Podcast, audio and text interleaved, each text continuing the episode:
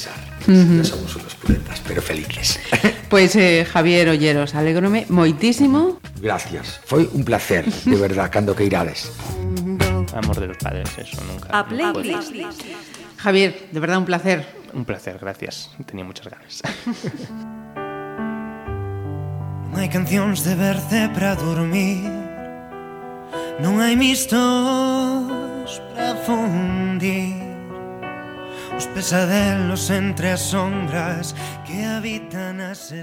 Más que conocida, la persona que nos acompaña hoy en esta playlist, eh, yo creo al final al- podré confirmar mi, mi intuición, una mujer de rompe y rasga que conocéis eh, por el concurso televisivo Masterchef.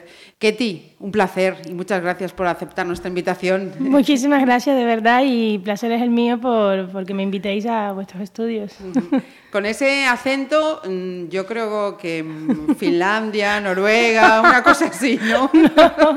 Yo soy gallego tropical. Yo soy cubanísima y, y aquí asentadísima en Galicia, que yo creo que nadie me saca de aquí. Cubana, cuéntanos exactamente de dónde. Yo soy cubana de La Habana, ciudad de La Habana. Yo soy capitalina. Ajá. Soy, soy de estas flipadas o flipados que, se- que, que se creen que por, la- por vivir en la capital ya van de guay. Pues así, soy de La Habana, del centro neurálgico de donde se mueve todo el meollo allí. Todo, ajá. Del Vedado, del Vedado. barrio. Ajá. Eh, lo de Ketty es eh, mm, el nombre entero acortado. Cu- cuéntame, cuéntame. Mira, esta, es una pregunta que me ¿Qué- la pueden hacer a diario. Vale, qué poco original soy. No. no, pero sí que es verdad que mi madre no tuvo mucha imaginación porque además eh, no solo me puso Ketty, sino que a mi hermana le puso Katy. Ajá. Entonces, eh, la verdad que ahí se quedó vacía. Y, y vamos a hablar luego de, de ello, pero mm, ya decir, mi hermana es eh, Katy. Eh, ella es eh, una de las dos gemelas, Ketty y Katy, ¿no? Sí, sí. Muy, ¿cu- ¿Cuál de las dos eh, nació antes? Yo nací antes, me quedé pensando. No, O sea, que entonces tú eres Sí. la pequeña. yo soy la pequeña y te lo puedo comprobar. O sea, a mi hermana le crecieron los pechos antes y yo me, me deprimí mucho cuando vi que, que ella usaba sujetador. y yo no. Esto promete, esto promete. Mira, eh, sé por el concurso, lógicamente, eh, que tu madre es Araceli. Sí. Araceli Fernández. Sí. ¿Y tu padre? Mi padre es, es Lázaro, pero es un sujeto que, a ver, ni bien ni mal, simplemente no ha aportado lo suficiente en nuestras vidas y entonces tampoco hay que darle demasiado... Mayor.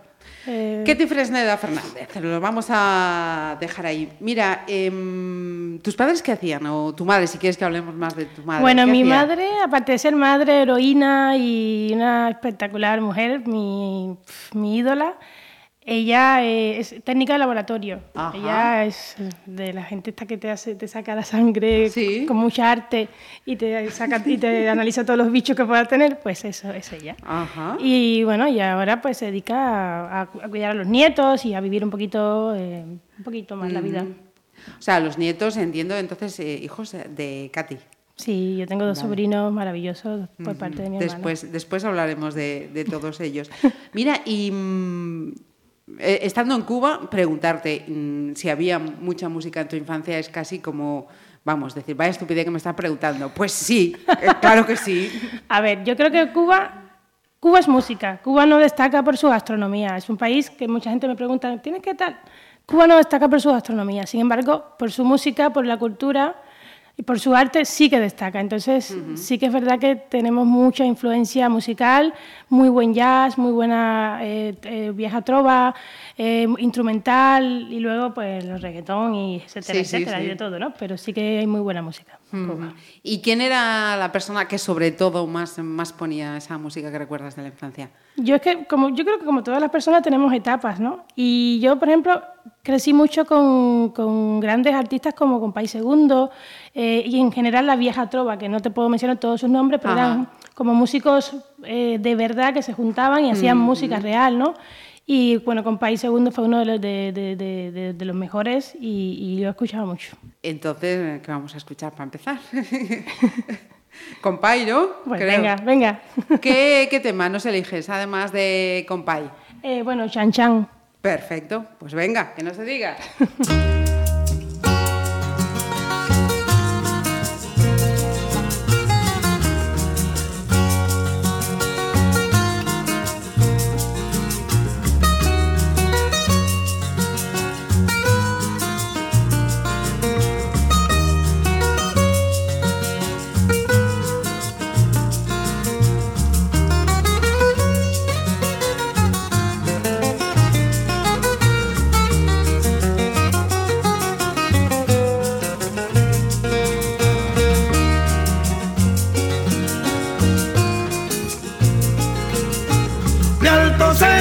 voy para Marcané, llego a Puerto, voy para Mayarí.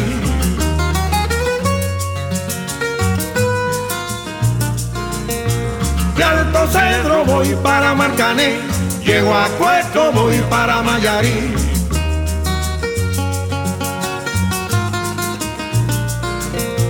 De Alto Cedro voy para Marcané, llego a Puerto, voy para Mayarí.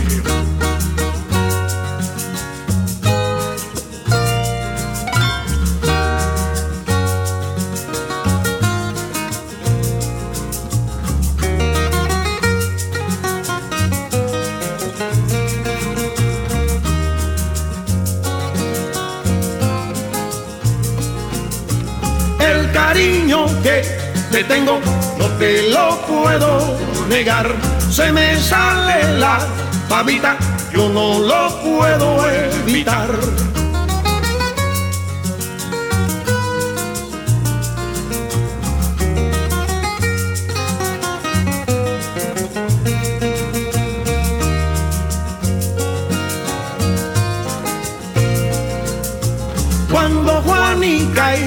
Chan Chan en el mar cernían arena, como sacudí el jibe, a Chan Chan le daba pena.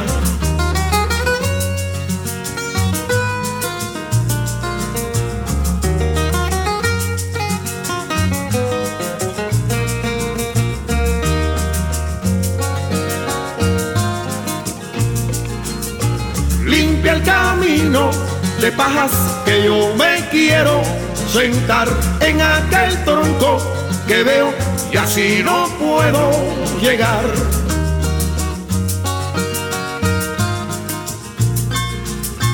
De Alto Cedro voy para Marcané y llego a Cueto voy para Mayarí. Ataque, compadre, ataque de frente. De Alto Cedro voy para Marcané, llego a Cueto, voy para Mayarí.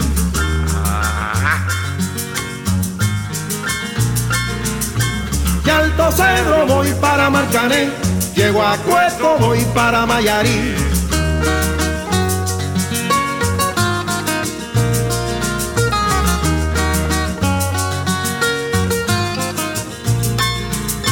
De Alto Cerro voy para Marcané, llego a Cueto, voy para Mayarí.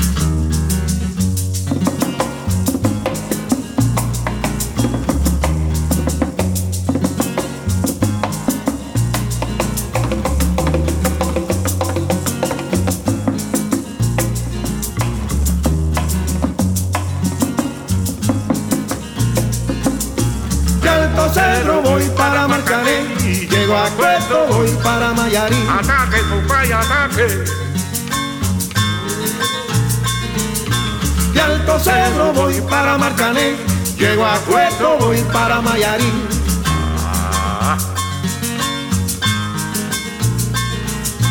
De Alto Cedro voy para Marcané, llego a Cueto, voy para Mayarí. Decíamos antes el nombre de Katy, la hermana eh, gemela de, de Ketty. Eso mm, ha tenido que dar lugar a muchísimas, muchísimas anécdotas. ¿Aprovechabais esa circunstancia o no? Sí. No voy a decir lo contrario. Somos culpables de hacer muchísimas maldades.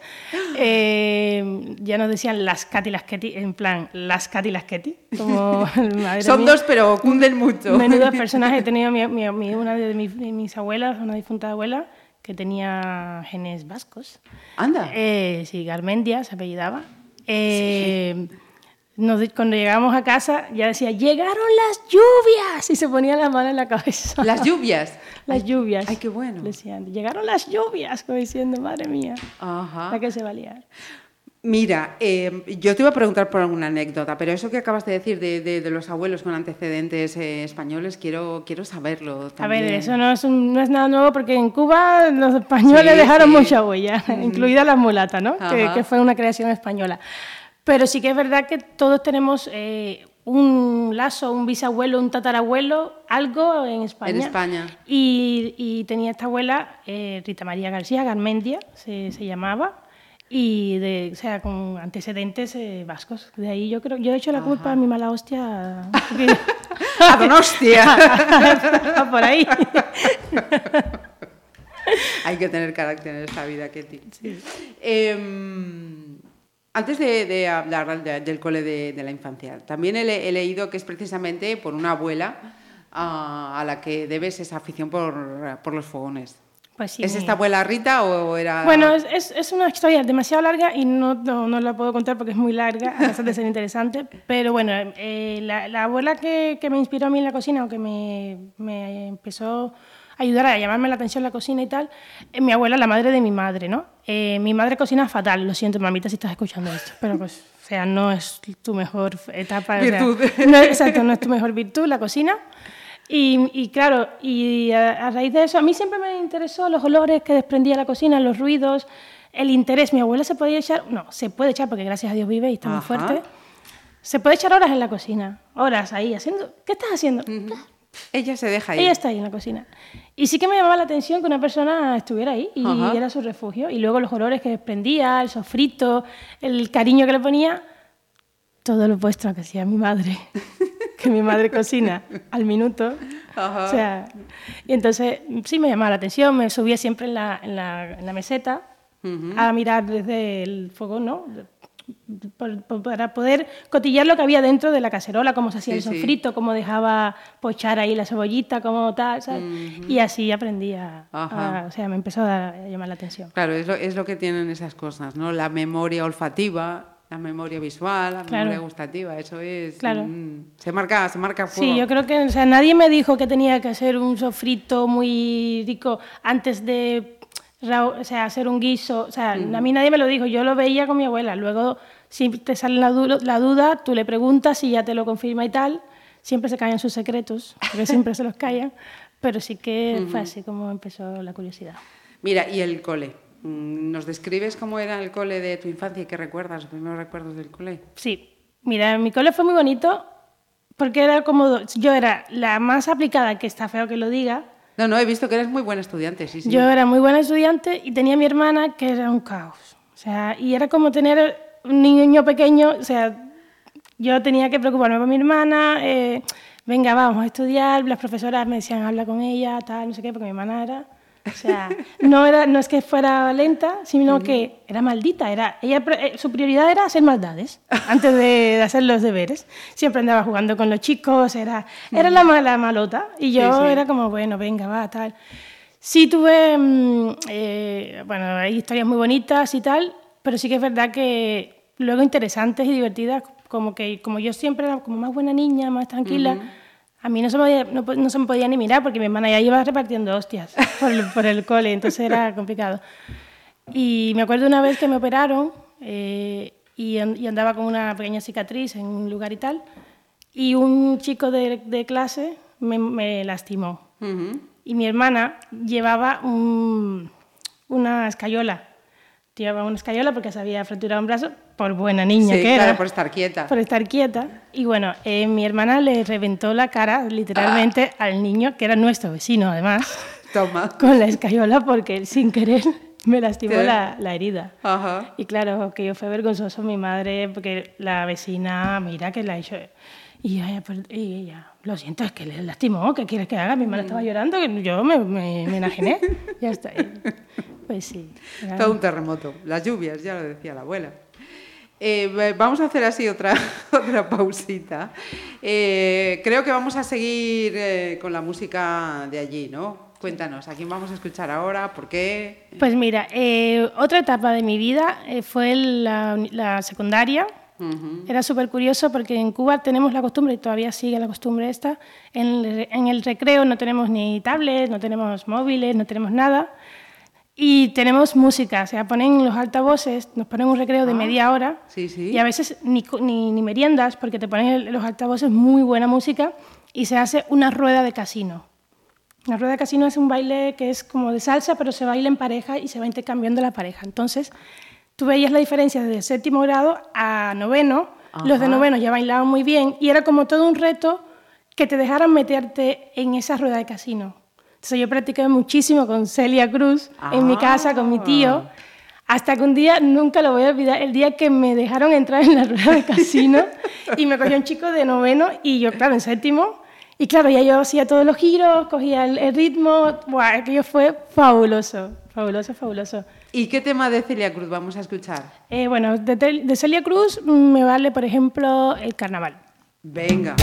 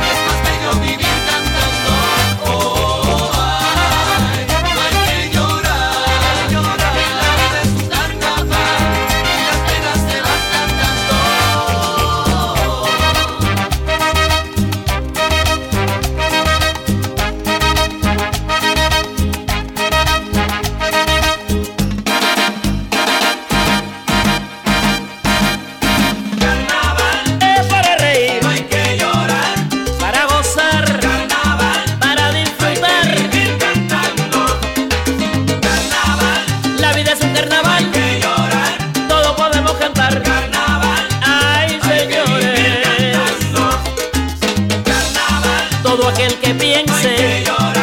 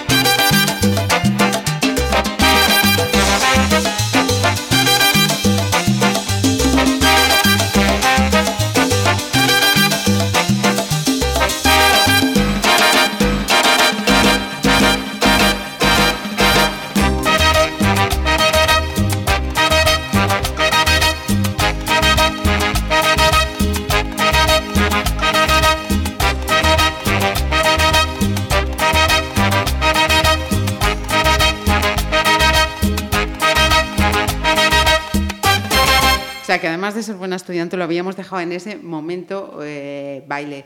Eh, es, mm, es innato saber bailar con ser cubano, o sea, va, va, inherente en los genes. Yo creo que es una necesidad nuestra, forma parte de, Es como los andaluces con las palmas y tal. Nosotros es, es, así, desde pequeñito ya te ponen la música y es como que te dicen, ¿no sabes bailar en serio?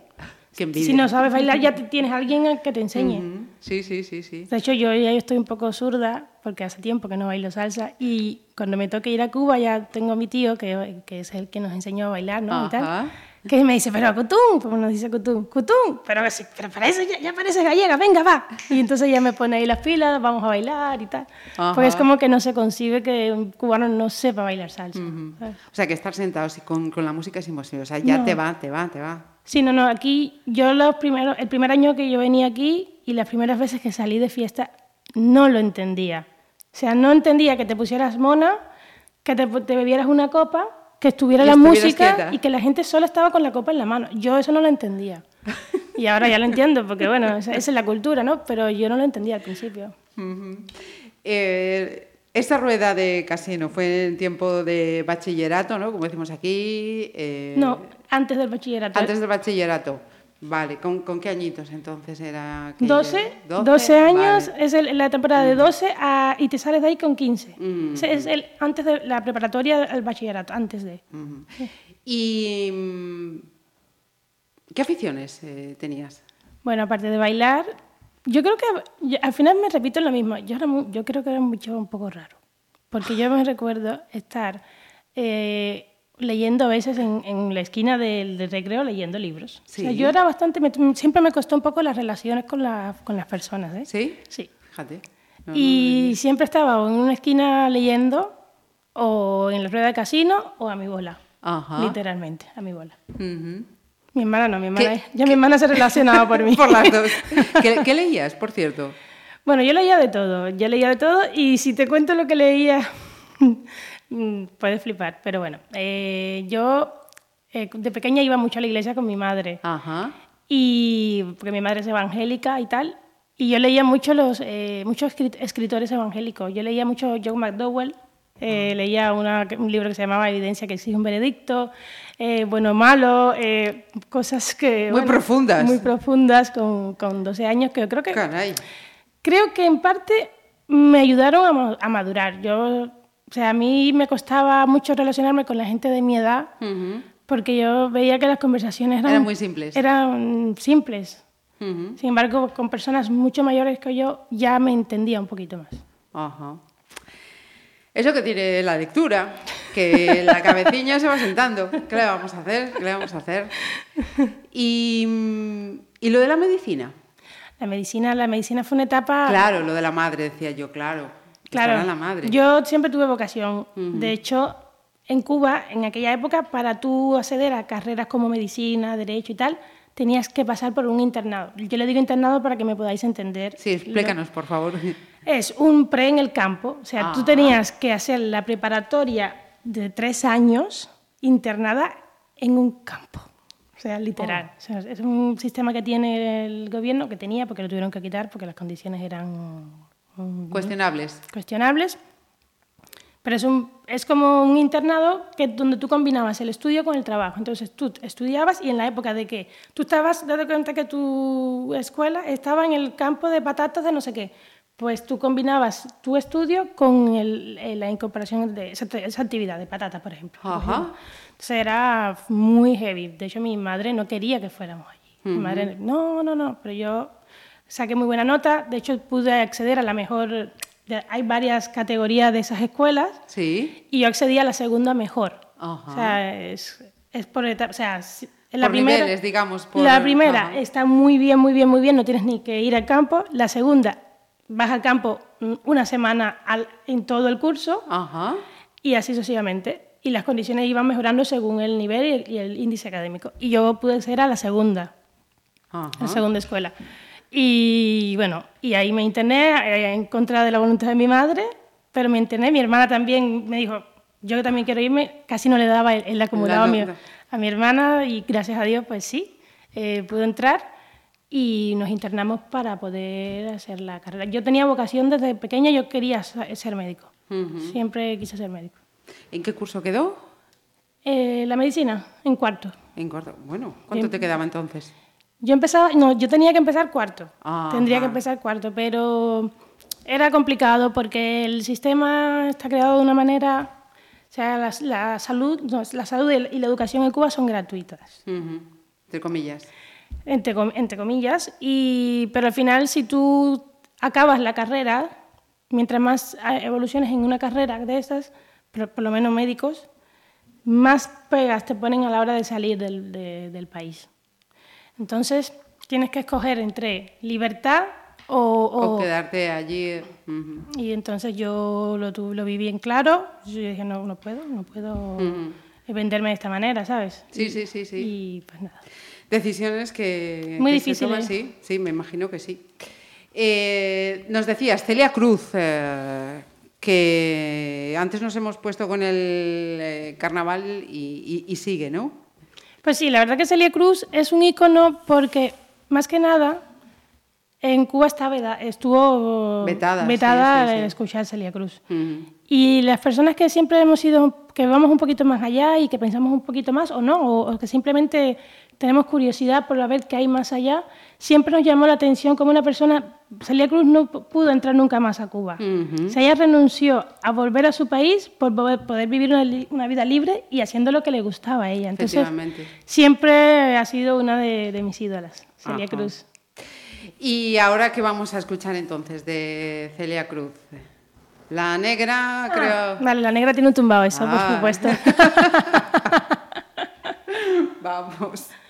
Esta me la canta mucho Jorge de Masterchef. Siempre que me ve esa negrita que va caminando. ¿Ah, sí? Fíjate. Ve- ¿Ves lo que tiene el, el making of? Que hay cosas que no se ven que...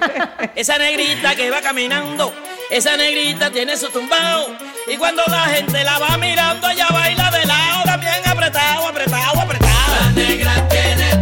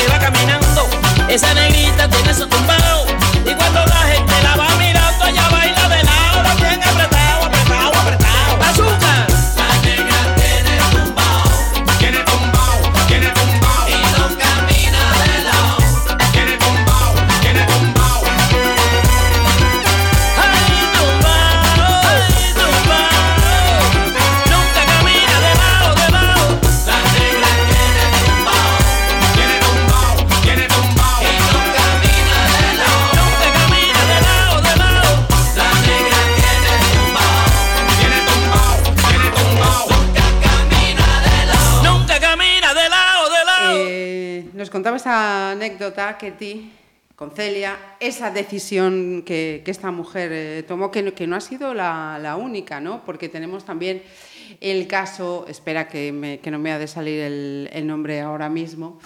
Gloria Estefan efectivamente también fue otra mujer, ¿no? Que, que también renunció a, a su país, a estar ahí a cambio de, de- de libertad y poder decir lo que pensaban. Y- Bueno, y- eh, lamentablemente eh, somos un, un pueblo que un pueblo de migrantes, un pueblo de, que, que ha tenido que tomar no solo decisiones a la hora de, renunciar o no a una profesión, sino a, a- incluso a la familia. Hay muchas de estas personas que salen y en aquella época ya no podían ni regresar dejando familia atrás. Sí, sí. Muchos de ellos se perdieron el entierro de sus madres, de, sus- de padres, de familiares eh, cercanos.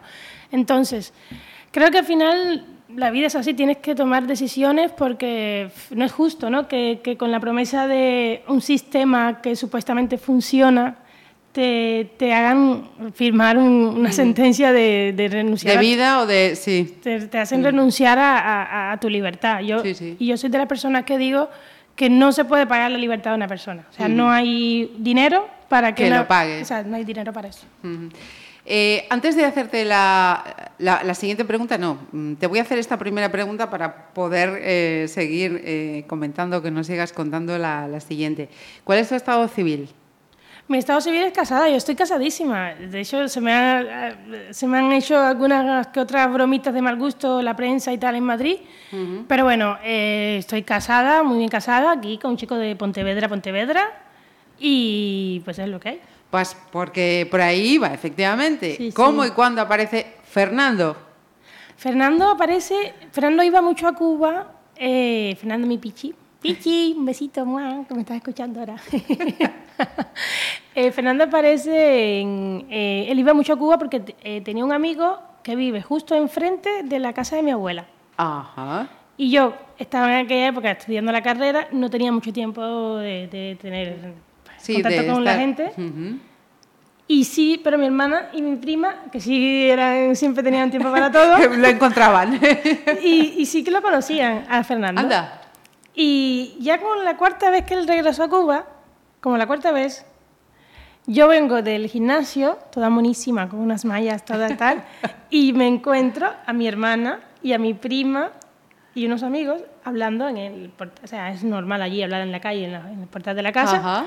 Con un chico guapísimo, muy, muy, muy mi y así todo hippie, con melenas y collares y no sé.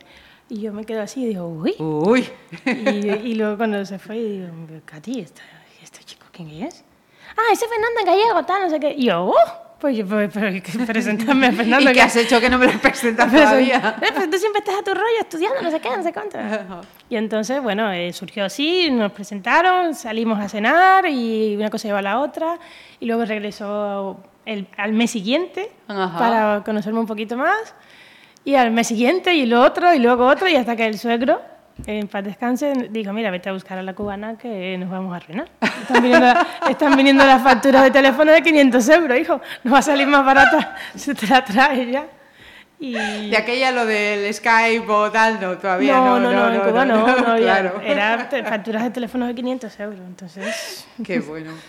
Mira, eh, efectivamente, vete a por ella porque así no podemos seguir. Y entonces a Ketty se le, se le plantea esa dec- decisión que decías, ¿no? Una decisión muy nada dura. fácil, siendo muy, muy joven.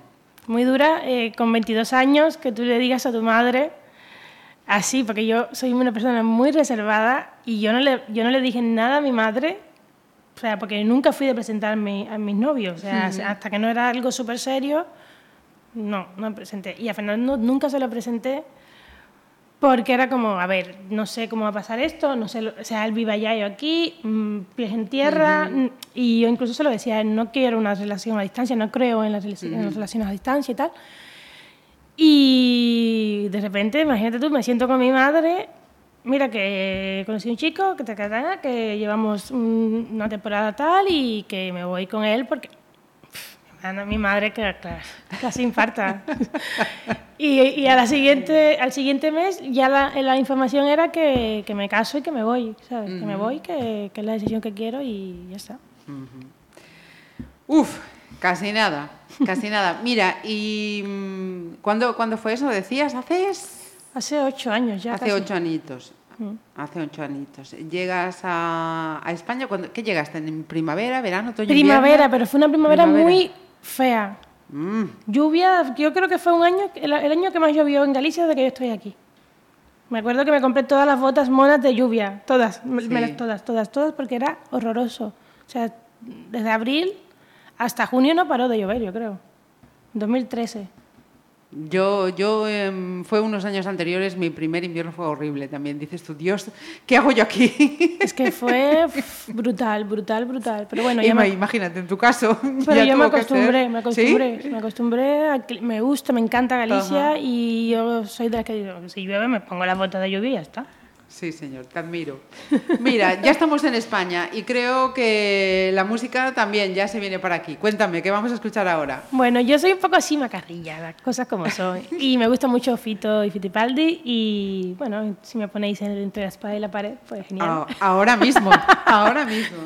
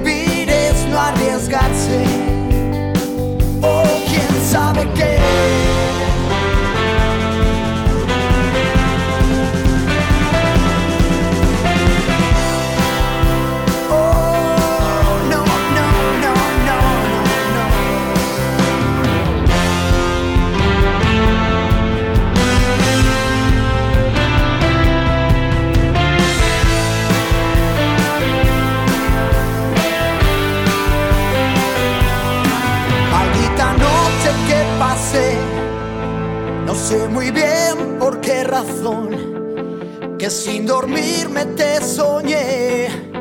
Me pareció escuchar tu voz. Toda la culpa es del café que me recuerda tu sabor. Y fue la voz que no escuché. Y fue el silencio el que me despertó. Toda la culpa fue del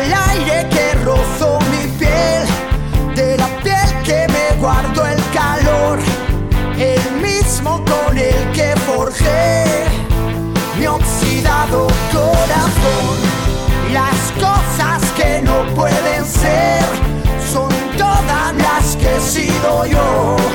Las mezclas no me salen bien.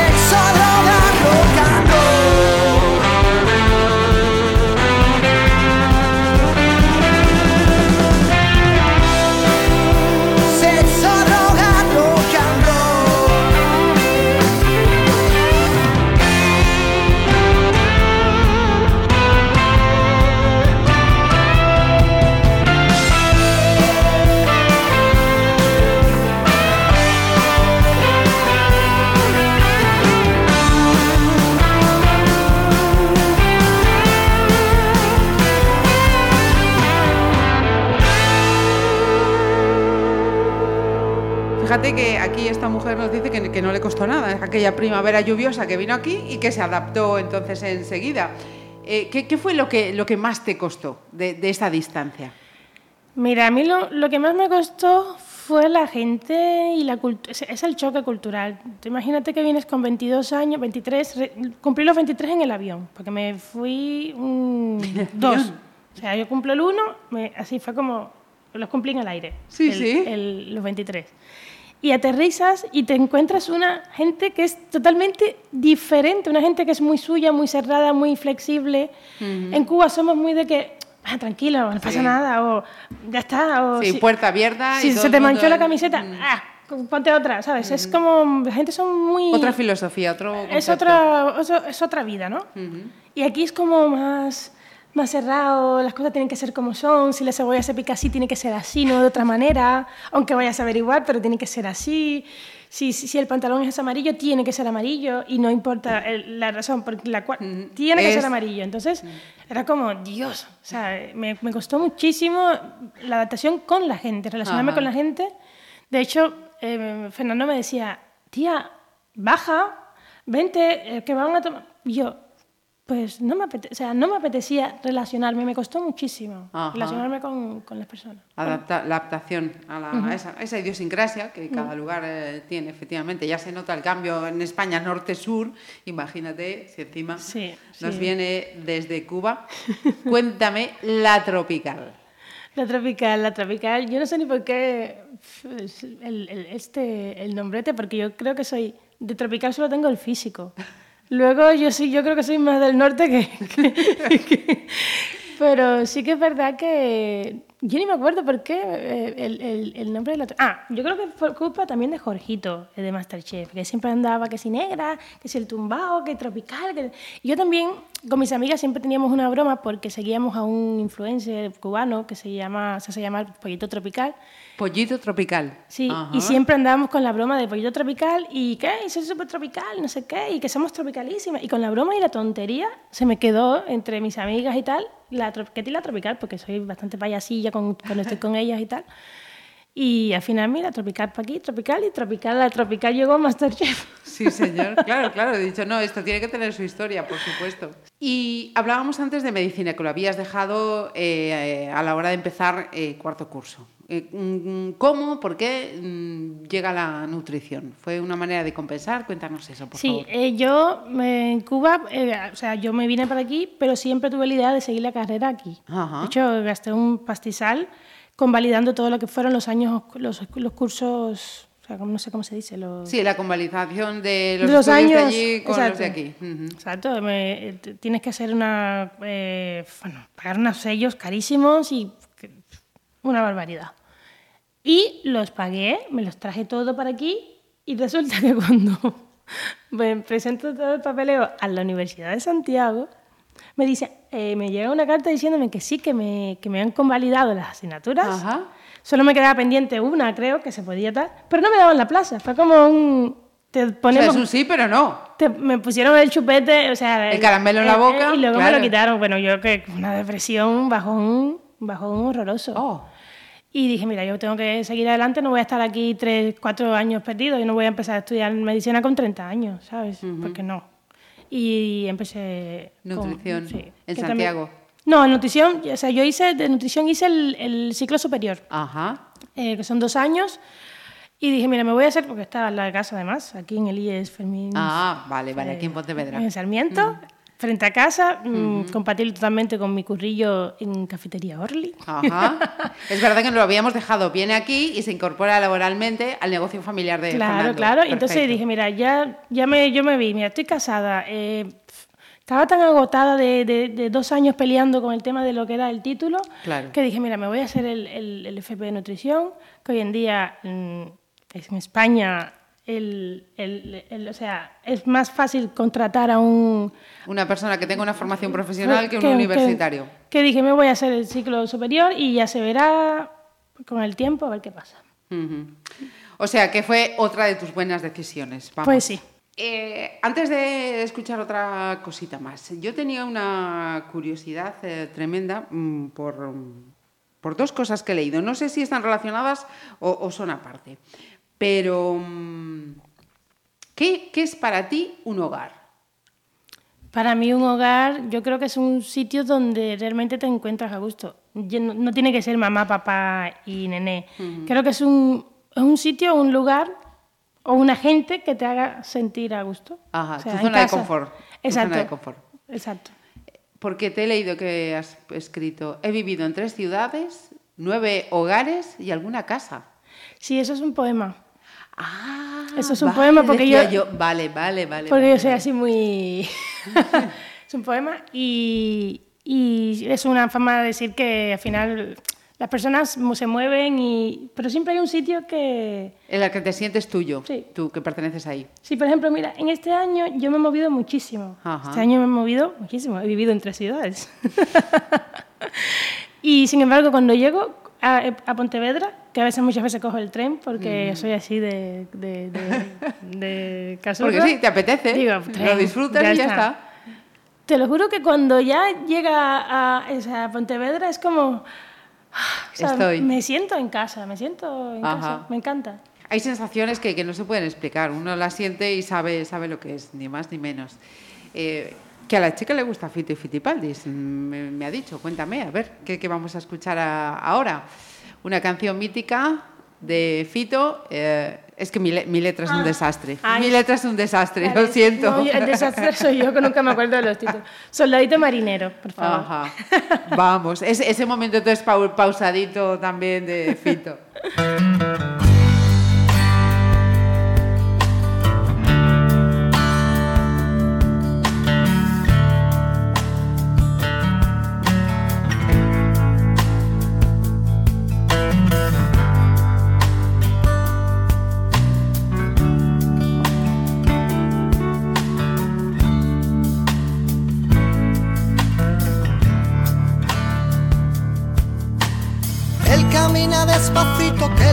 no son buenas.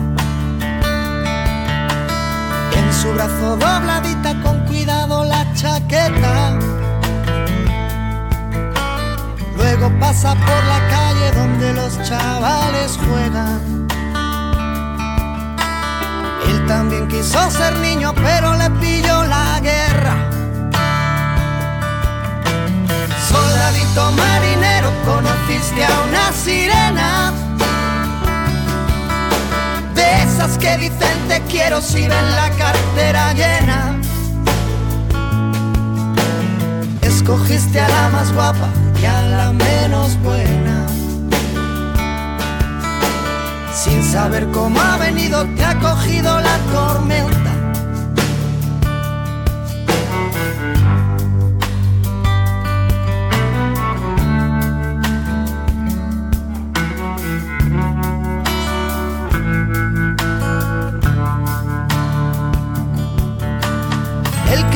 Cruzar los mares y olvidar a su sirena. La verdad no fue difícil cuando conoció a Mariela, que tenía los ojos verdes y un negocio entre las piernas. Hay que ver qué puntería no te arrimas a una buena. Soldadito marinero, conociste a una sirena. De esas que dicen te quiero si ven la cartera llena. Escogiste a la más guapa y a la menos buena.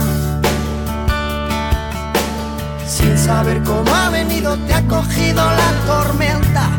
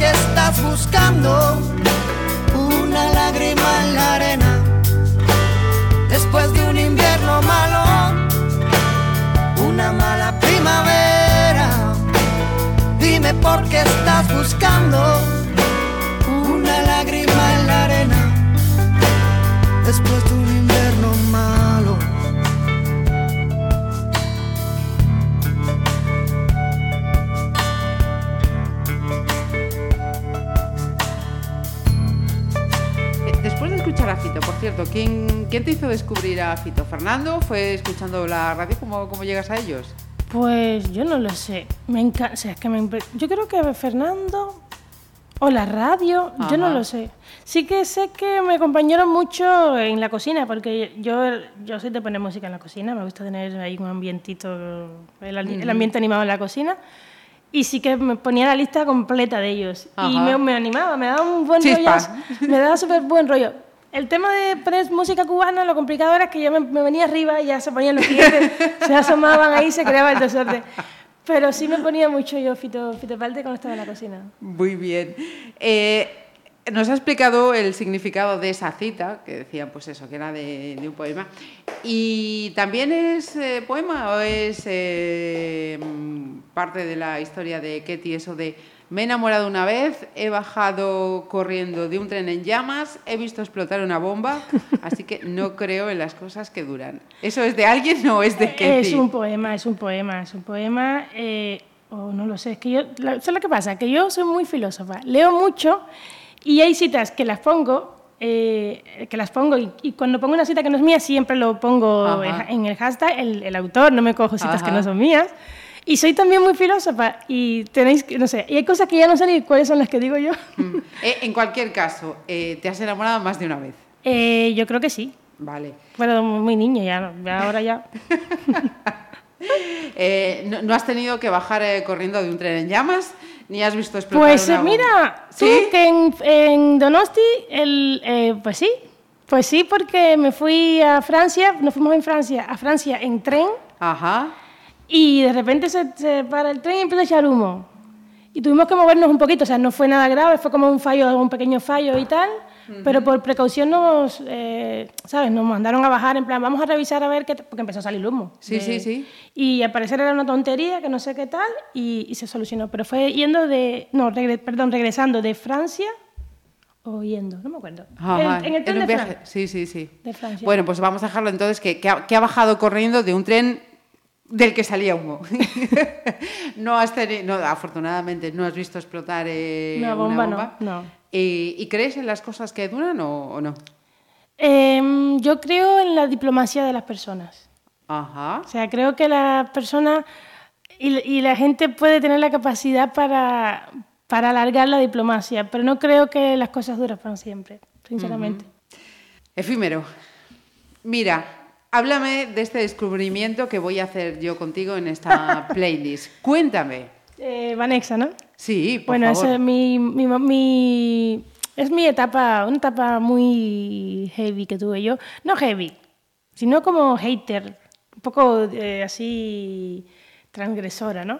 Eh, me gusta mucho Vanessa, me la, me la enseñó o la descubrí por un antiguo eh, novio eh, que tuve, un noviete que tuve, que era justo el, el anterior a Fernando, un chico catalán. Y sinceramente creo que fue, la, o sea, ha sido la única vez que, que me rompieron a mí el corazón. Yo digo que él, o sea, ese chico, eh, no sé si me estás escuchando. Todo es posible. Esto es un podcast y vete a saber cuándo y quién lo escucha. No, pero sí que es verdad que me enseñó, fue como de estos que te enseñan la parte fea. O sea, yo era muy joven. Te enseñan la parte fea que uno no tiene que ver de, de estas El cosas. desamor. el desamor. Y yo, como soy, como siempre he sido buen estudiante, a mí una vez me bastó. Y aprendí. Pero y una de las cosas que me dejó fue Vanessa. Me encanta eh, esta chica. Y de hecho, ella me, me- me enseñó a olvidarlo, porque tenía canciones tan hater, tan odiadoras, que fue como. Hasta Ajá, luego. Ajá, pues mira, hay que ver el lado positivo. De, de- de aquello salió algo bueno, Sí, que es sí. Vanexa. Y lo primero que vamos a escuchar de ella, que es? Súper guay. Venga.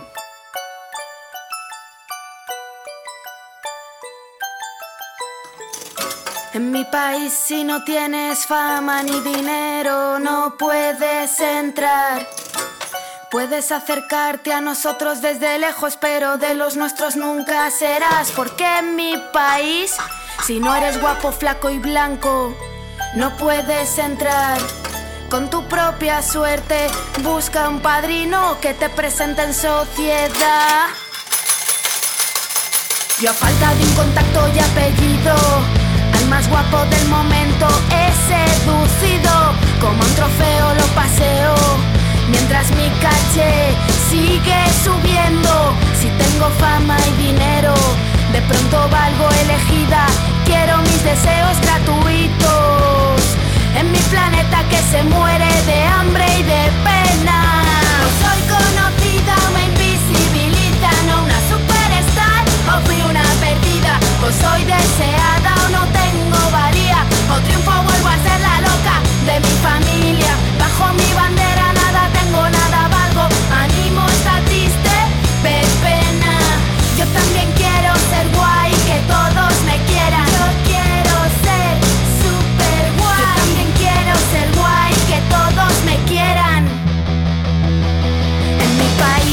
no tienes vocación ni oficio, eres perdedor. Definitivo, tu imbecilidad será proporcional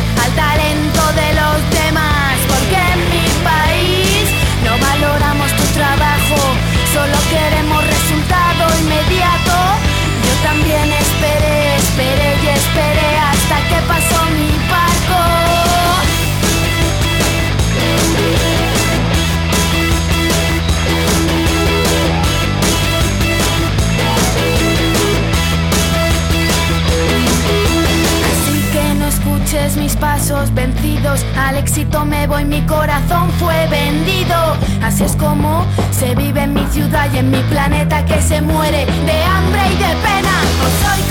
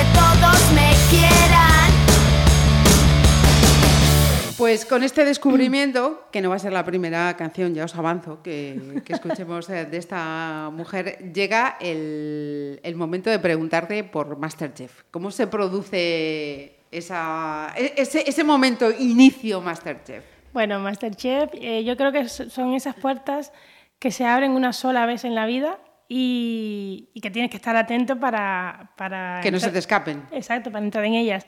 Eh, Masterchef, o sea, me, o sea, me, se me acercaron a través de, de los reactores de búsqueda. Ellos tienen reactores de búsqueda eh, digitales. Ajá. O sea, aparte de, de las personas que se presentan voluntariamente al casting, eh, tienen personas que invitan a personas con determinadas características. Perfiles, sí, sí, perfiles a. O sea, tú, Katy, que se ve que no te vas a presentar porque eres así de pasota, por favor, envíanos una solicitud y preséntate. Yo pensé que era una broma y tal, de mal gusto. Y, pero me insistieron y tal, mira qué tal, nos gusta tus platos que subes, porque yo subí algunas recetitas en mi Instagram personal de cuando estaba en la cocina y tal. cual. Ajá. Y entonces pues, em- empecé a hacer lo- las diferentes pruebas, poquito a poco fui superando las diferentes fases y cuando me vine a dar cuenta me estaban dando Pepe. de- Estabas ya ahí con las cámaras me y... estaba dando Pepe delantal allí con 20 cámaras y yo, madre mía. Eh, hay, hay un momento, mm, a ver, ¿quién- de los que estáis escuchando, mm, no vale mentir. ¿A quién no se le escapó una lágrima en el momento en que apareció tu madre en el programa? Uf, todavía a mí se me siguen escapando las lágrimas cuando veo el vídeo. ¿eh? Ujú. Es que yo, o sea, muchas personas me preguntan si yo sabía que iba a ver. O sea, si, me- si yo llego a saber que mi madre viene al Masterchef, me tienen que dar un Oscar. Porque no se puede fingir. O sea, no se puede fingir. Y, y no se vio toda la emoción que había ahí. O sea, estaba todo el equipo de Masterchef, que si me estáis escuchando, eh, estoy súper agradecida, siempre lo estaré. Eh, estaba todo el equipo llorando, o sea, todo el equipo a la espera porque sabían que, que yo me iba a poner como una loca, porque... Es o sea, que vamos a ver quién, quién, quién no, es que es inevitable, pero eso te decía, o sea, ¿quién no lloró en ese momento? Vamos ver. perfectamente lo que significa mi madre para mí, porque ellos, o sea, estuvimos muchos meses ellos en los totales hablando yo de mi madre, mi familia, qué tal. Qué bueno, o sea, os acabáis de dar cuenta, los que trabajáis en esta eh, profesión de los medios de comunicación ya, en Sabemos, los totales, sabemos en los lo- totales. sabemos lo que son. Y saben perfectamente lo que significa. Lo que, o sea, yo tenía asumido que no iban a traerla porque es un viaje largo, porque es un viaje costoso. Y yo, en mi ingenuidad, dije, bueno, nada, traerán a mi pichi y tal. Bueno, no, no pasa nada, yo encantada, de, por supuesto. Lo que menos me esperaba es que, me a... Por allí. Y la verdad que fue maravilloso. Las cosas de, de la televisión. Mira, y, y hablando de, de televisión, uno, eh, ¿cómo, se, mm, ¿cómo se prepara? ¿Cómo va interiorizando, ya que hablamos de, de cocina, digiriendo el pasar de ser una persona, pues, eh, hombre, en tu caso llamas la atención, porque llamas la atención, es evidente, pero además llamar la atención porque sales en, en la tele. ¿A eso cómo, cómo se aprende o cómo has aprendido en tu? Yo, yo creo que no he aprendido porque yo soy una persona tirando a tipo llanera solitaria. Soy una persona y, que, y que a veces me pregunto, ¿deberé ir a un psicólogo para quitarme esto? Soy una persona que me gusta estar sola. O sea, yo disfruto de mi soledad. Disfruto de, de, mi- de mis paseos por Pontevedra y, y con mis cascos y me enajeno, pero de una manera que o sea, no, me, no me doy ni cuenta de que hay gente a mi alrededor. Entonces, ahora sí que me pasa que a veces voy andando y me pego en unos sustos porque me pillan. ¿Qué? Y yo, Dios. Y ya, y ya le tengo dicho a más de uno que me, luego me. Ay, perdón. ¿eh? Dios, qué manía tenéis. Y yo, ay, lo siento. Y yo, y yo o sea, no os lo toméis a mal. Eh, estoy súper agradecida que me sigáis eh, demostrando su cariño y tal, pero sí que es verdad que soy súper yo digo, a veces no sé si soy algo retraída, no lo sé, pero me meto en mi mundo interior y me, y me disperso. Te abstraes totalmente. Y, y sí que me cuesta eso, todavía, es que a, veces- a mí se me olvida que yo salí en la tele. O sea, no, o sea, yo sigo haciendo mi vida normal, andando con mi gente normal, y se me olvida que salí en la tele. A veces me dice, ¡Hola! Y yo, ¿y esto por qué me saluda? Y yo, ¡mierda! Vale. Y yo, ¡Hola! Dientes, dientes. Ahora la gente me saluda sin yo tener que conocerles. Y claro, Y, y yo a veces no soy consciente, o sea, no soy consciente todavía de que he salido en la tele, no... de o esa sea, repercusión, el impacto exacto, que tiene. No soy que consciente de ello. Mira, ¿y eres consciente también de, de- de lo que generó tu presencia en Masterchef en tu país? Eh, Que Eso también he leído que, que fue brutal. Mira, fue brutal, sigue siendo brutal. Y yo quiero ir a Cuba, todavía no sé cuándo pueda ir, porque por cuestiones de agenda y tal, me gustaría ir. Y mm, fue maravilloso porque yo no esperaba eso. O sea, la gente, se, con las dificultades que hay allí, se descargaban, los, bueno, compran el paquete, no sé cómo es la historia allí. Sí, he leído algo de que es el paquete, no sé qué, sí, sí. Mi sí, hermana sí, es la sí. que está al tanto de todo porque ella es como una, es, es una embajadora. manager en Cuba. Es, es embajadora allí. Y la gente se compraba el paquete allí, veía, Sí, sí. me apoyó muchísimo en las redes sociales. De hecho, el Facebook lo he actualizado otra vez porque la mayoría de los cubanos sigue y los latinos siguen más Facebook que Instagram. Ajá. Entonces me he actualizado Tenido que adaptar, sí. He sincronizado el Instagram con el Facebook para que todo lo que publico en Instagram me sale en Facebook. Por ellos, porque me apoyaron muchísimo y fue brutal, o sea, súper bonito. Era previsible ese impacto aquí en, aquí en España y tal, pero claro. Yo es que no, o sea, no soy una persona que consuma tele a lo loco, soy una persona que soy más de poner la tele de fondo. Sí, de compañía, que, De se- que compañía. algo haga así. Y claro, no sé, no sabía, no era consciente del impacto que iba a tener Masterchef en, en, o sea, mi persona a la hora de, de, de todo, ¿no? De salir. Ajá. Eh, em, ese cambio, mm, ¿lo has notado más? eh, espera, vamos a, hacer, vamos a hacer otra pausa y luego sigo con el interrogatorio. Vanexa, esa mujer que, que, le, que le marcó y le ayudó, que vamos a escuchar ahora, que nos has hecho también ahí otra. La primera fue súper guay, ¿verdad? Sí. Vale, pues ahora vamos a escuchar eh, He matado a mis peces.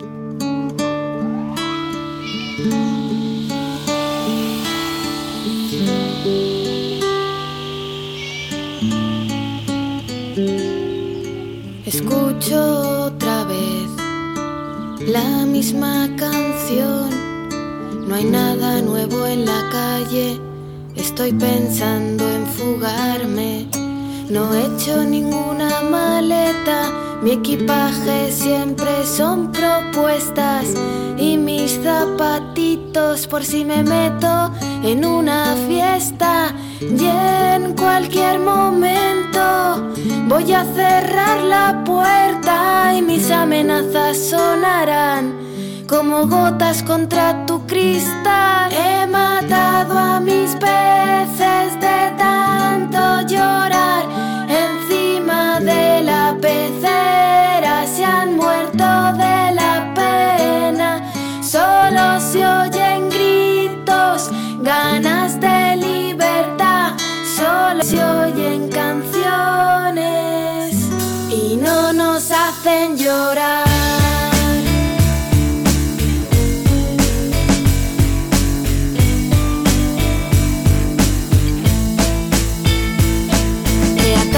Tus promesas con las cuerdas de mi guitarra. Hoy he enterrado tus recuerdos lejos de mi casa.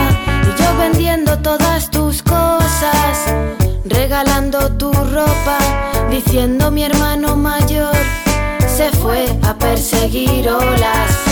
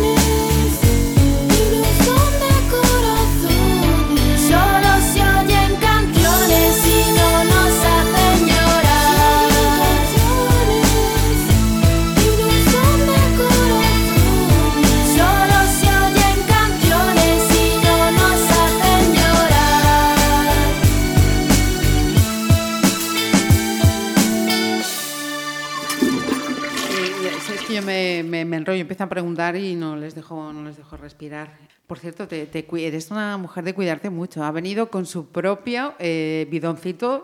de- ¿Es, es agua? Es ¿O agua, hay agua. algún misterio agua, por ahí? Es agua. Vale. Es agua, estoy aquí eh, colaborando con el medio ambiente, mm, agua, Ajá. y así ya no usamos las botellas de plástico. Concienciada medioambientalmente, además. Mira, eh, ¿serías capaz de vivir alejada del mar, Ketty? Yo creo que eh, no. O sea, me- solo de pensarlo me agobio. De hecho, me pasa en Madrid. Madrid, eh, he ido mucho estos meses y, y he, cogido una tunda de Madrid que ha acabado saturada. O sea, eventos de Madrid, seguidme llamando. Pero yo estoy aquí en Galicia. que hay que hay que tomar aire al lado del mar. Yo me muevo y yo necesito mar. Yo todos los días, religiosamente, me da igual si llueve. O sea, Fernando lo sabe. Si está lloviendo, yo me pongo las botas de agua. Pero yo tengo que salir a andar, Ajá. a ver el mar. A que me dé el, aunque sea, aunque haya frío, da igual. Yo Sí, necesito, necesitas- necesito necesitas el respirar mar. el mar. sí. ¿Qué signo del zodiaco eres, por cierto? Yo soy Aries, soy Aries, pero, pero nací en La Habana y La Habana sí, claro. es mi rutina, es lo mismo, salir a andar por el malecón, eso es algo que se hace a diario allí, entonces Ajá. necesito ver el, el mar. ¿Nadar? Nadar aquí complicado, aquí hace un poquito de frío, pero sí que en veranito, claro que, que nado. Vale, es que tenía yo ahí un dato que me despista un poco y he dicho, voy a dejarlo caer, a ver qué me responde. Pero vale, ya, ve- ya veo que sí. Sí, por alguno de mis poemas, de estos que, que vivo en una isla y no sé nadar. ¿Eh? Sí. Eso- es que, claro, yo decía, me- esta mujer me, me- me tiene loca con, estas cosas que leo. A ver, porque son incongruencias que, que pasan en la vida real. O sea, vives en una isla y no sabes nada. Es como que vives rodeado de dificultades y no estás preparado para los problemas. Son cosas. Esa Ketty interior eh, que, que vive su vida personal de forma, de forma intensa. Sí, señor. Soy una intensa. Es- eso está bien, ¿eh? Eso está bien. Eh, ¿Algún pero o algún contra ah, de ser eh, un rostro conocido? Yo, pero, a ver, pero sí que hay. Porque siempre te vas a encontrar personas que, que, que rozan la mala educación. Siempre, en todo, en todo el mundo. O sea, te lo encuentras en la vida diaria de anónimo Sí, sí. Y en la vida de cuando tú te ves, cuando eres un poco más mediática, también te lo vas a encontrar. Entonces, sí que, que, que te pueden afectar algunas cosas. Yo eh, fui muy atacada por los haters, me, me atacaron mucho los haters. Gracias, mis haters, porque gracias a vosotros mi cuenta subió mogollón. Siempre ayudan. Y, mm, pero sí que es verdad que si no eres fuerte de, de- de mente, te pueden afectar, te dicen cosas muy feas. Vale, ya tenía una, una parte reservada a redes sociales, pero quedaos con eso. Hay que ser muy fuerte. Luego, luego le seguiré interrogando al, al respecto. Eh, vamos así también con otras preguntas así de tono personal. ¿Qué es lo que más te gusta de ti? Lo que más me gusta de mí es, yo creo que la capacidad de adaptarme al cambio. Creo que tengo ese, yo creo que es un don. Puedo sufrir miedo a cambio, pero sin embargo me voy a adaptar y lo voy a hacer. Lo voy a hacer con miedo, pero lo voy a hacer. Y me voy a adaptar. Eso ¿No? se llama valentía. Y sí, bueno, pero también sientes miedo, ¿no? Sientes Sí. miedo, pero lo- yo soy capaz de hacerlo con miedo. Yo me, recuerdo cuando me monté en el avión, el- era la primera vez que me montaba en un avión, y iba a cruzar, cruzar el charco con 22 años. Entonces, Ya, lo pero hice. es que dejabas todo. Ya no solo que cogieras un avión y cruzabas el charco, es que lo dejabas todito. Y lo hice con miedo, o sea, lo hice con miedo, pero lo hice. Y, y lo- y luego otras fases de, de mi vida que lo hice con miedo, pero lo hice. Y al final, yo creo que es la capacidad que tengo para adaptarme, ¿no? Te- tengo como, yo digo que tengo un mundo interior en mi cabeza que me, o sea, soy como mi propia conciencia, me doy mis propias charlas, venga Ketty, tal. Pues, No, tengo como un pepito grillo ahí que me, que me aconseja. Sí, pero un papito grillo que, que aconseja, veo mucho y bien. Nos vamos al otro lado. Eh, y, y lo que menos te gusta de Ketty? Tengo un carácter muy... Donostia. Tengo un carácter muy donosti. eh, reconozco aquí, por favor, to- todo lo que me estáis escuchando, que tengo muy mala leche y tengo, soy una persona que a veces puedo ser bruta, ¿no? De- sin filtro. O sea, lo peor que tengo es que no tengo filtro. Ajá. No lo tengo. O sea, eh, cuando nací no- eh, llegué tarde al reparto de filtro y, y sí que es verdad que estoy trabajando en base a ello. Ajá. Mm, e intento, o sea, por ejemplo, cuando quiero mucho a una persona, con mis amistades son las que más sufren la falta de filtro que tengo, porque yo soy esa amiga que, di- que dice, déjalo. O sea, Sí, tío esto es blanco y es blanco y- Déjalo que, que estás haciendo el indio, que ta, que ta. O sea, no digo, bueno, y he aprendido a, poco a poco a decir, mira, es su vida y ya está, y miro para el lado. Eh, creo que toca otra selección de Vanexa. Otra, ya la última, ¿eh? ya no, no- no os canso más, ¿eh? que vais a cambiar de emisora, por favor. Eh, mira, eh, esta que es la, que, la primera canción que escuché de ella, que es muy buena para los desamores. Pues venga, ese momento tan necio es el amor. Tan necio es el amor. Tan necio es el amor. Venga. Fuiste el sastre que olvidó quitar los alfileres de su boca antes de besar. Afiladora cuchillaste mi amor. Y yo una más en tu larga carrera de embaucador. Pensé que no podría alejarte de mi vida, ni con tiempo ni suerte. Se me pasaría mi pulsión de vida en tu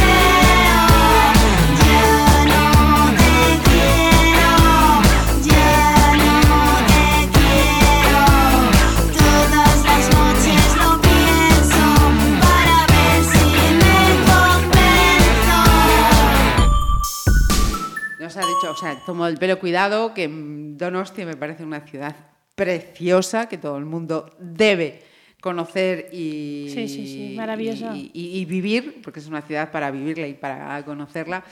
Y Ketty ha estado unos cuantos meses, nada más y nada menos que en el Basque. Culinary Center. ¿Cómo ha sido esa experiencia? Pues Cuéntanos. bueno, ha sido una experiencia maravillosa, maravillosa. Estar ahí en una de las mejores escuelas de gastronomía de Europa y que está aquí en España y tal. Eh, sido, o sea, no solo la, la experiencia por la escuela, sino poder compartir esa experiencia con Marta y con Usana, que fue como hacerla más top, más loca todavía. Y la verdad que es una etapa que yo voy a recordar toda mi vida, ¿no? Ajá. Toda mi vida. Ha sido maravilloso. ¿Cuántos meses han sido, Ketty? Ha sido de octubre a abril. Octubre a, a abril. Eh, ¿Y de San Sebastián con qué te quedas? La gastronomía.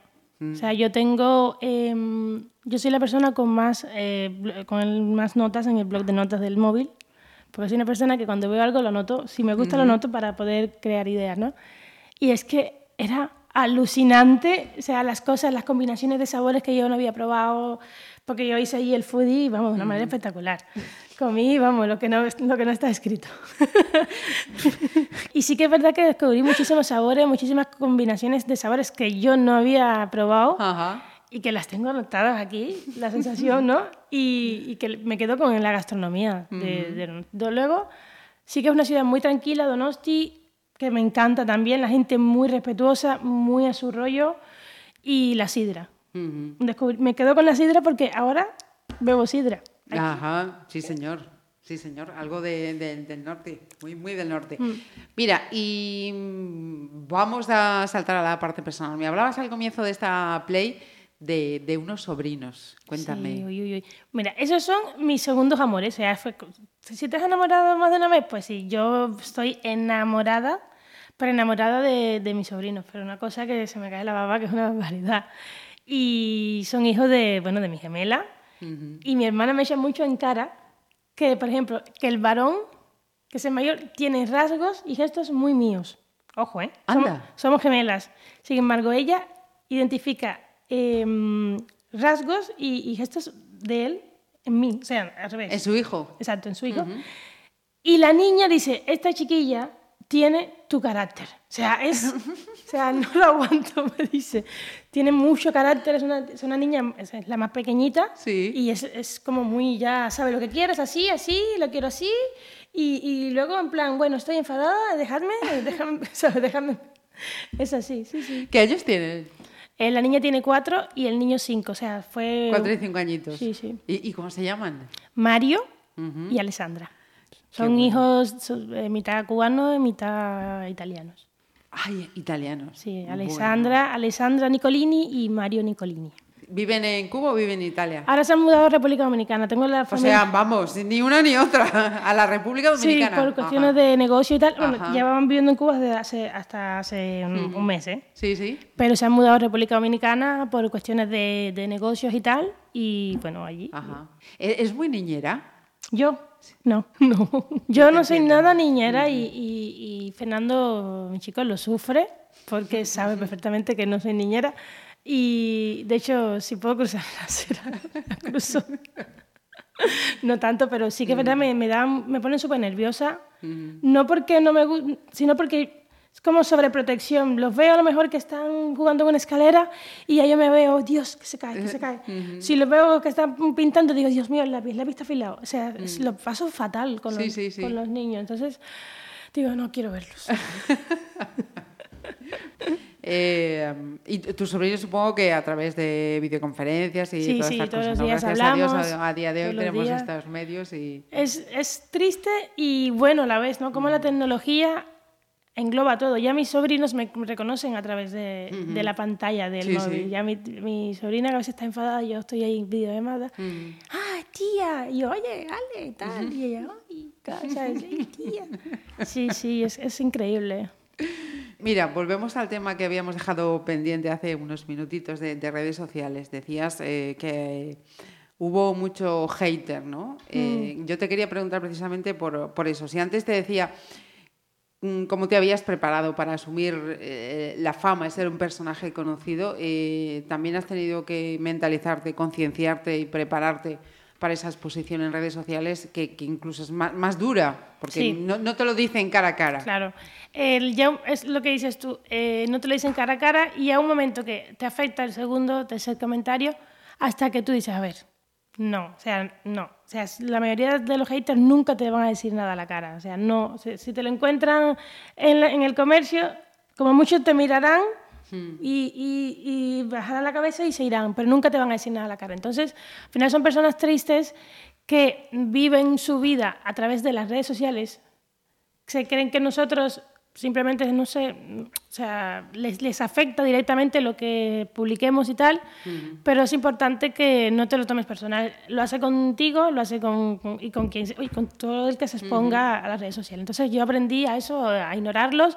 A veces cuando me aburro y tengo tiempo y lo leo, si me parece simpático, pues a veces le contesto en plan cachondo con mucho sarcasmo, que les enfada muchísimo. Es lo que tiene, tomarse las cosas. Y ahora con- he aprendido incluso a pasármela bien con, con el hater. A veces, a veces le mando mensajitos ocultos, en plan, lo típico. eh, he subido hace poco una foto de- con el, la tanga de bikini. Y digo, "Ay, ¿qué voy a hacer yo este verano con el tanga y los haters? Porque no Ajá. quieren ni que me ponga la tanga. Es como que eres eh, chef, pues tienes que andar con la chaquetilla. Me voy con la chaquetilla a la playa, ¿no? no entiendo. Y digo, bueno, es como yo, ¿cómo hago yo este año el verano gallego con, con el tanga y, y los haters? Bueno, Claro, pues y, y el médico entonces con, con la mata de médico y el bombero pues Con- eh, con con, el la casco. chaqueta y el casco, efectivamente. Sí, sí. En fin, ¿cómo son las cosas? Eh, ¿Te cuidas mucho, Ketty? Yo me cuido lo suficiente. Lo suficiente. No voy a decir que soy una, no, no voy a decir que soy una obsesa de, de lo que es el cuerpo y de que no. Creo que con los conocimientos, los pocos conocimientos de medicina que tengo, ¿no? De- Y con los conocimientos de nutrición y con las ganas de, oye, de ponerme el- un vaquerito que me quede mono, Ajá. con eso, tío, y que me gusta hacer deporte, ¿sabes? No sin obsesiones, sin, Sí. sin que eso... Si tengo que pasarme una tarde con amigos eh, tomándome unos bermuses que son súper calóricos, me los voy a tomar, Ajá. ¿sabes? Ya luego se, se, se, Sí, hace- se, va se hará una hora de running o lo que sea y se acabó. Exacto, o sea, soy bastante flexible, creo que es el ser saludable es un estilo de vida, un estilo de vida que incluye la mente y para mí el- los ratos con mis amigos ya me están eh, influyendo positivamente, por lo tanto, los bermuses van. Es, es bueno para el cuerpo y para la mente. Claro. Sí, señor.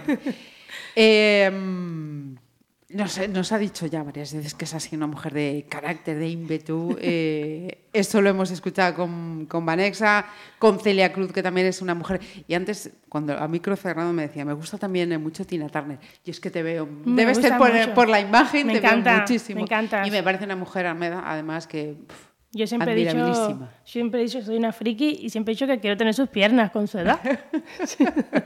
Y esa energía y esa vitalidad que son es que esa- envidiables. es brutal. Una mujer que también tuvo que, que pasar lo suyo, por Mm. cierto. Y, y, sin embargo tiene otra parte más suave, mucho más tranquila, mm, que va a tener relación, si no me equivoco, con lo que vamos a escuchar ahora. Bueno, eh, vuelve de Beret. Ajá. ¿Cómo conoces a Beret? ¿También por la radio? ¿Alguien te lo recomienda? Mira, Beret lo conocí en Masterchef en la casa, en el encierro. Yo, yo me subía por las paredes, porque mm, me subía por las paredes porque estarse encerrada tanto tiempo es duro, ¿no? Es duro. Es como que cambias tu rutina de vida y solo se, se engloba a eso, ¿no? Y era como, yo que soy una persona que necesitaba desconectar, necesitaba mi soledad y, y- y yo... o Y sea, no había esos momentos, claro. no, y Fabio había, tenía como un, un aparatito esto de música, pues nosotros estábamos sin nada, ¿no? sin, sin móvil y nada, y me lo dejaba a mí el, el aparato. Y claro, yo escuchaba lo que tenía él allí, Claro. lo que tenía, y, y me, gustó, me gustó mucho las canciones de Beret, me gustó mucho, me, me relajaban, ¿no? Me, me hacían, bueno, desconectar, y, y la verdad que me, me encantó. Pues venga, vuelve de Beret.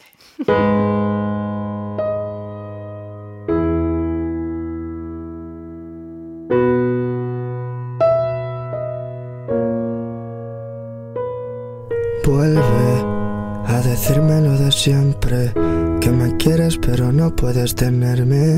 He hecho lo imposible por hacerme fuerte y aunque sea el mismo camino solo, vuelve Solo quiero que lo intentes. No me digas que ahora necesitas suerte. De verdad que necesitas que recuerde que las cosas que se cuidan no se tiran de repente. Si nunca te duele, no te hará feliz. Duele más tenerte que dejarte ir. Prefiero lo siento antes que no sentir. No compensa siempre quedarse que huir. De nada me espero, imagina de mí. Me dijeron ve a por todo y fui a por ti. Hasta qué momento si se aprende y hasta qué momento se perderá el tiempo solo por seguir. Dicen que lo bueno tarde, yo llevo esperando tanto tiempo que lo bueno no quiere venir. Dicen que hay palabras apropiadas, igual que existen personas que no lo saben y son así. Llamamos consejo a cualquier cosa hasta que me di cuenta que hasta quien te quiere te puede mentir. Ya que todo el mundo te aconseja suficiente para que seas lo que quieren, pero no feliz. Ahora soy consciente que hay caminos que acaban en otros y hay personas que acaban en otras porque sí. Ahora me di cuenta que problemas que resuelvo en tanta gente, pero nunca lo resuelvo en mí. Qué bonito es ver que todo va bien, pero es que ni viéndolo bien es la manera para verte a ti. Al mundo le sobra gente rota y necesita de verdad personas fuertes que sepan unir. Vuelve a decirme lo de siempre, que me quieres pero no puedes tenerme. He hecho lo imposible por hacerme fuerte, y aunque sea el mismo camino solo, vuelve. Solo quiero que lo intentes. No me digas que ahora necesitas suerte. De verdad que necesitas que recuerde que las cosas que se cuidan no se tiran de repente.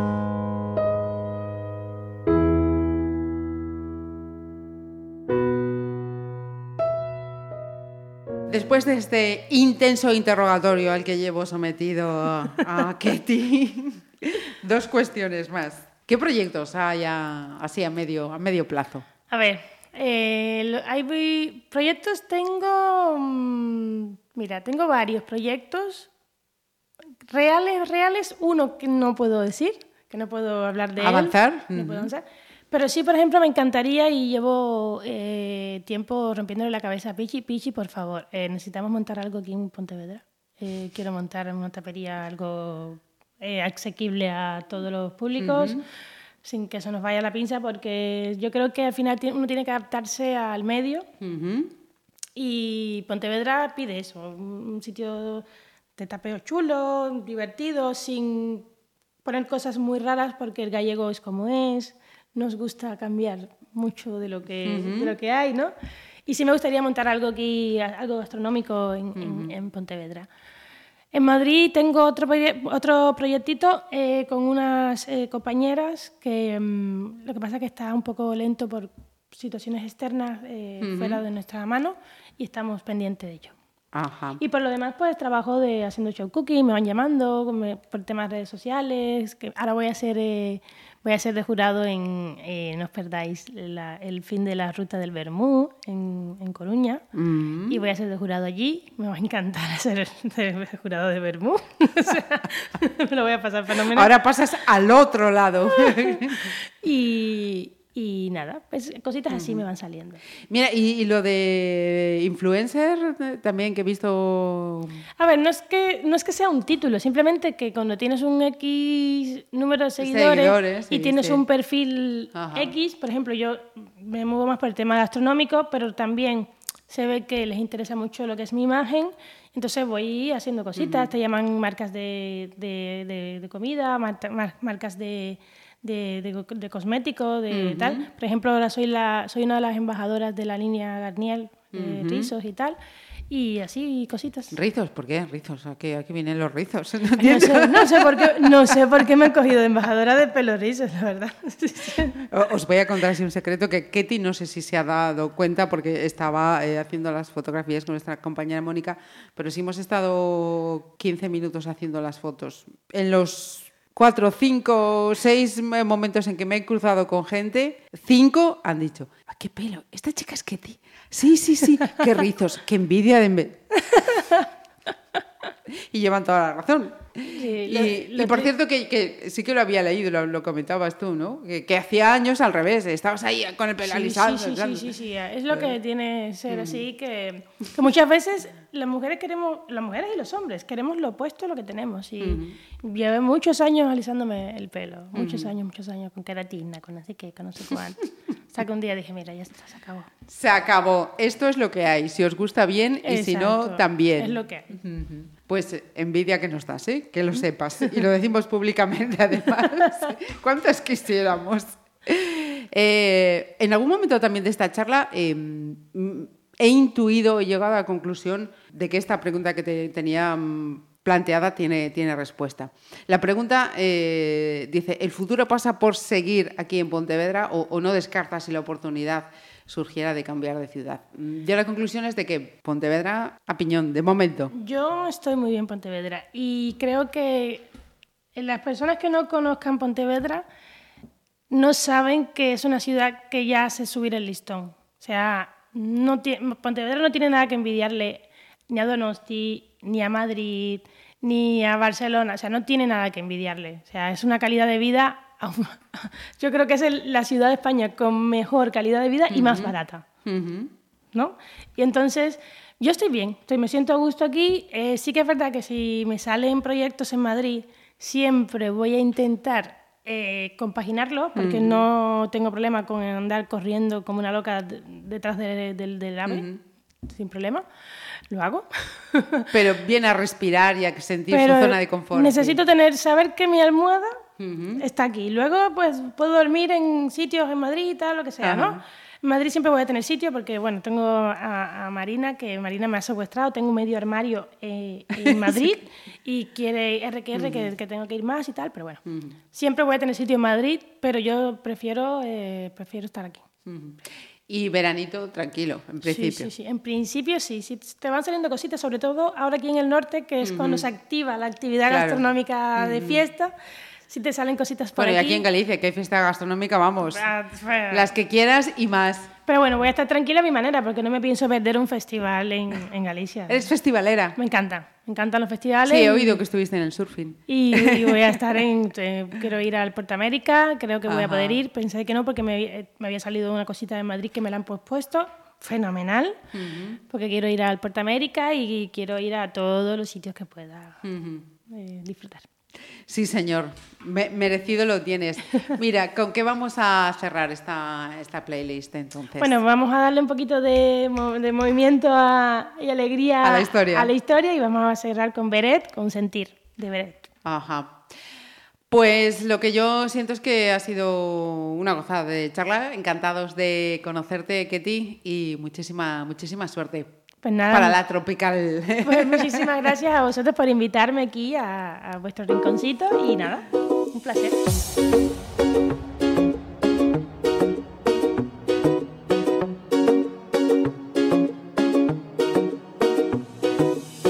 Yo sé que mi mejor vestido es mi piel. Saldré por la noche yo y me lo pondré. Si nunca quise ganar, ¿cómo voy a perder?